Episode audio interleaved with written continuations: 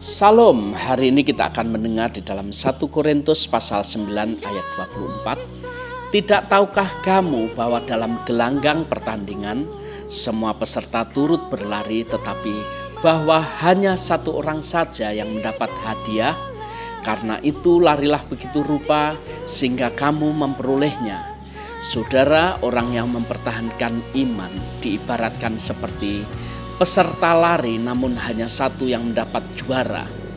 Di situ dibutuhkan daya tahan, komitmen, tekad yang kuat untuk menggapainya. Sampai-sampai Rasul Paulus berkata, "Larilah begitu rupa sehingga kamu memperolehnya." Ini bukan berarti menghalalkan segala cara, bukan berarti meninggalkan aturan main yang firman Tuhan tetapkan juga bukan berarti yang penting menang, yang penting aku masuk surga, orang lain tidak mau tahu. Tidak, namun ini bicara tentang apa yang harus kita lakukan supaya iman itu tidak terlepas.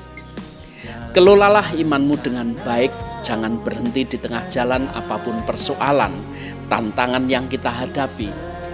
Jangan biarkan apa pun yang akan memberhentikan perjalanan iman kita Mintalah kekuatan Tuhan selalu supaya saudara mendapatkan kekuatan baru setiap hari.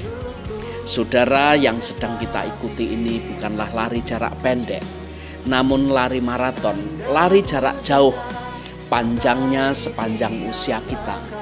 Jadilah seperti Rasul Paulus.